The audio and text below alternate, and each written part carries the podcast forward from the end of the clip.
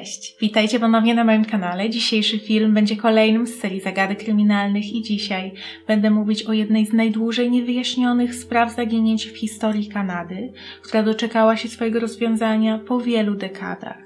Z tego co zauważyłam, takie wyjaśnione zaginięcia są dla Was bardzo interesujące, dlatego dzisiaj będę mówić o sprawie Lucy Ann Johnson. Ta historia nie jest bardzo znana, ale moim zdaniem zdecydowanie jest warta poznania, dlatego jeśli chcielibyście dowiedzieć się więcej, to zapraszam do oglądania. Lucy Ann Johnson urodziła się jako Lucy Ann Carvel 14 października 1935 roku w mieście Skagway na Alasce w Stanach Zjednoczonych. Jej rodzicami byli Margaret i Andrew Carvel. Pierwsze kilkanaście lat życia Lucy spędziła w różnych miejscach na północy Ameryki Północnej. Rodzina bardzo często się przeprowadzała, osiedlali się tymczasowo zarówno na terenie Stanów Zjednoczonych, jak i Kanady. Przez 9 lat, między 1943 a 1952 rokiem, mieszkali w Yukonie, terytorium Kanady graniczącym z Kolumbią Brytyjską na południu i Alaską na zachodzie. Gdy wrócili do USA, Lucy miała 17 lat i niedługo później poznała mężczyznę imieniem Marvin Johnson, z którym spotykała się przez kolejne lata i za którego ostatecznie wyszła. Para pobrała się w 1954 roku w mieście Blaine w stanie Waszyngton. W ciągu kolejnych miesięcy przeprowadzili się do wspólnego domu w Kanadzie, w mieście Surrey, w prowincji Kolumbia Brytyjska. Ich posiadłość znajdowała się przy 103 Alei i 145 ulicy. Marvin pracował jako marynarz, głównie na pokładzie holownika, a Lucy zajmowała się domem, choć zdarzało jej się także pracować dorywczo w lokalnym szpitalu, Vancouver's St. Paul's Hospital. Kobieta była również głęboko wierząca i udzielała się w życiu kościoła. Między innymi uczestniczyła jako wolontariuszka w akcjach charytatywnych organizowanych przez Catholic Aid Society. Małżeństwo doczekało się dwójki dzieci, córki Lindy i syna Daniela. Życie rodzinne do czasu układało się idealnie. Problemy zaczęły się dopiero w 1961 roku, gdy Marvin stracił pracę na holowniku. Wtedy z Lucy byli małżeństwem od siedmiu lat. Nadal dla otoczenia tworzyli zgraną parę i to, co działo się za zamkniętymi drzwiami, pozostawało sekretem. Tajemnica wyszła na jaw dopiero w maju 1965 roku, gdy Marvin zgłosił się do RCMP, czyli Royal Canadian Mounted Police, kanadyjskiej policji działającej na poziomie federalnym i poinformował o zaginięciu żony. Zgłoszenie nie było typowe i takie, do jakiego przywykli śledczy, ponieważ gdy poproszono Marwina, żeby opisał gdzie i kiedy ostatni raz widział żonę, przyznał, że było to we wrześniu 1961 roku, czyli prawie cztery lata wcześniej. Kobieta ostatni raz była widziana przez sąsiadów w okolicy bloku przy 145 ulicy, czyli tam, gdzie mieszkała z mężem i dziećmi od lat. Śledczy stanęli przed bardzo trudnym zadaniem. Typowe procedury określone w przypadku zaginięć tutaj były bezcelowe. Nie było mowy o pierwszych 24 czy 48 godzinach od zniknięcia. Po czterech latach odnalezienie kobiety całej i zdrowej graniczyło z cudem. Po takim czasie ciężko było znaleźć jakichkolwiek świadków, którzy pamiętaliby dzień ich zniknięcia i wszystkie potencjalne ślady zostały już zniszczone przez czas. Mimo wszystko podjęto próbę rozpowszechnienia informacji na temat zaginionej. Zdjęcia kobiety pojawiły się w gazetach. Lucy miała wtedy 26 lat, ciemne włosy, brązowe oczy, około 1,65 m wzrostu i ważyła około 50 kg. Jak nie trudno się domyślić, w sprawie było wiele teorii i większość podejrzeń padała na męża. Powód, dla którego Marvin zdecydował się zgłosić zaginięcie małżonki po czterech latach, nie był znany, ale sam fakt, że tak długo utrzymywał to w sekrecie, pozostawiał spore pole do domysłów na temat jego udziału w sprawie. Mężczyzna stał się podejrzanym numer jeden. Od samego początku uważano, że kobietę spotkało coś złego z rąk kogoś bliskiego, najprawdopodobniej właśnie męża. Wiadomo, że Marvin przez te lata z nikim nie rozmawiał na temat nieobecności żony. A podczas przesłuchania kilku z sąsiadów przypomniało sobie, że mniej więcej w czasie, gdy kobieta przestała pojawiać się w okolicy, mąż wykopał w ogrodzie zbiornik z szambem. Daty oczywiście mogły się nie zgadzać, ponieważ minęło kilka lat, ale policja i tak uznała, że to najlepszy jak do tej pory trop w sprawie.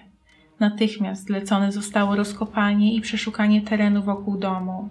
Mimo sporych podejrzeń ostatecznie nic tam nie znaleziono. Rozważono postawienie mężczyźnie zarzutów, ale nie było to możliwe ze względu na niewystarczające dowody przemawiające o jego roli w zniknięciu Lucy. Poszukiwania były nastawione praktycznie wyłącznie na odnalezienie ciała. Po tak długim czasie nikt nie spodziewał się, że Lucy może być cała i zdrowa. Liczono, że szybko uda się ustalić miejsce jej spoczynku. Nikt nie mógł przewidzieć, że ta sprawa stanie się jedną z najdłużej nierozwiązanych spraw zaginięć w historii Ameryki Północnej. Mijały jednak kolejne tygodnie, miesiące, a następnie lata i policja nie miała wystarczająco tropów, żeby sprawnie prowadzić śledztwo. W międzyczasie przeprowadzono oczywiście kilka analiz DNA, porównując materiał genetyczny Lucy z kilkoma niezidentyfikowanymi kobietami znajdującymi się w bazie, ale nie znaleziono żadnych połączeń. Sprawa ucichła na wiele lat. Marvin zdążył ponownie się ożenić i dwójkę swoich dzieci wychowywał z nową małżonką. Niestety, jego syn Daniel zmarł w wieku kilkunastu lat. Sam Marvin Johnson umarł pod koniec lat dziewięćdziesiątych i dopiero nieco ponad 50 lat po zniknięciu jego pierwszej żony w 2013 roku jej sprawa została wyciągnięta z archiwum X i zyskała ponowny rozgłos. Oddział policji w mieście Surrey organizuje akcję pod tytułem Missing of the Month, czyli Zaginienie Miesiąca, podczas której co miesiąc naświetlana jest jedna od lat nierozwiązana sprawa zaginięcia i w czerwcu 2013 roku padło właśnie na Lucy Ann Johnson. Jej historia została szczegółowo opisana w magazynie The Leader z nadzieją, że tym razem trafi na kogoś, kto może wiedzieć, co stało się z nią pół wieku wcześniej. Publikacja artykułu miała jeszcze jeden skutek. Córka kobiety, Linda Evans, postanowiła skorzystać z nowego rozgłosu w sprawie matki i rozpocząć równoległe śledztwo na własną rękę.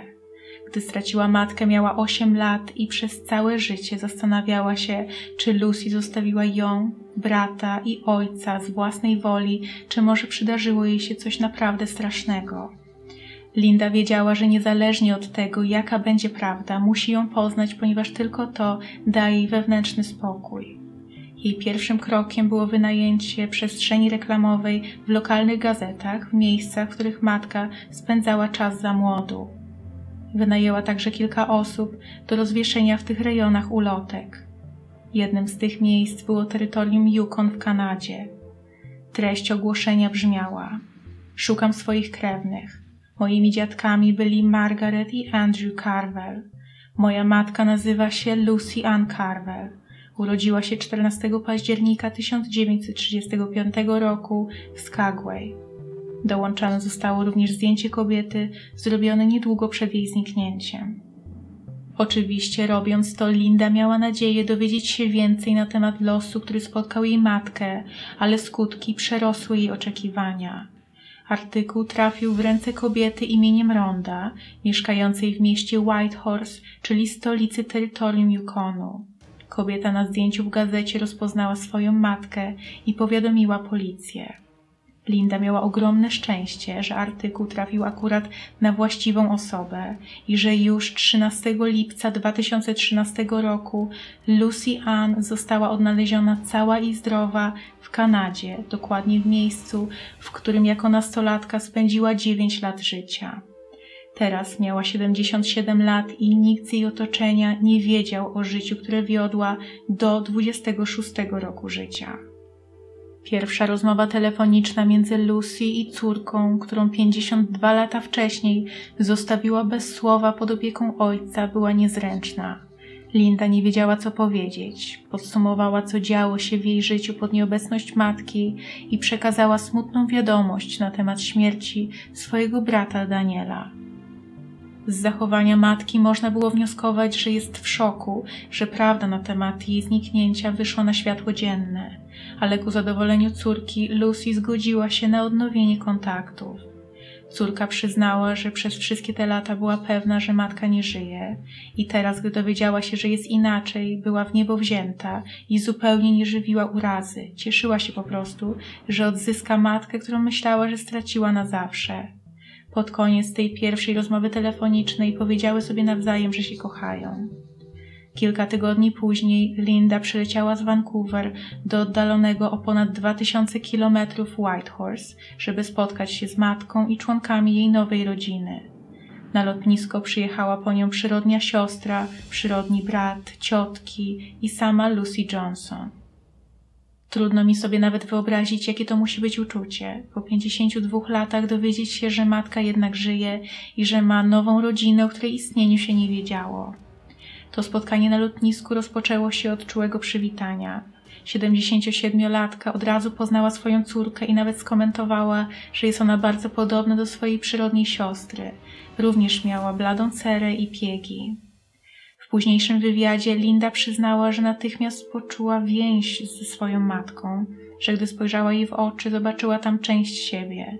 Wiedziała jednak, że jedno bardzo je różni. Ona sama nigdy nie zostawiłaby swoich dzieci i nie wyjechała bez słowa. W tym czasie sama była już babcią i chciała, żeby matka miała okazję poznać swoje wnuki i prawnuki. Pierwsza wizyta w Whitehorse trwała tydzień i w tym czasie kobiety miały okazję odbyć wiele szczerych, emocjonalnych rozmów, które nie obyły się bez łez. Można było jednak odczuć, jak ich relacja odnawia się i jak zabliźniają się stare rany, które zniknięcie matki zostawiło Lindzie. Oczywiście pozostawało jeszcze najważniejsze pytanie: dlaczego 50 lat wcześniej Lucy uciekła i nie kontaktowała się z rodziną, którą zostawiła? Gdy jej córka Ronda znalazła artykuł i na zdjęciu rozpoznała matkę, natychmiast do niej zadzwoniła. Wtedy 77-latka przyznała, że to nie jest przypadkowe podobieństwo, że to ona jest na tym zdjęciu, ale wyjawiła, że tak naprawdę przez ten czas wcale się nie ukrywała, że to jest zupełny przypadek, że tak długo nie została odnaleziona. Pod wpływem nalegań córki postanowiła także opowiedzieć swoją wersję tego, co wydarzyło się 50 lat wcześniej. Jej zdaniem, jej pierwszy mąż Marvin znęcał się nad nią i regularnie zdradzał z innymi kobietami. Od dłuższego czasu chciała odejść, ale on był znacznie silniejszy i jej zabraniał. W końcu zgodził się, ale zaznaczył, że w takim razie musi zostawić dzieci pod jego opieką.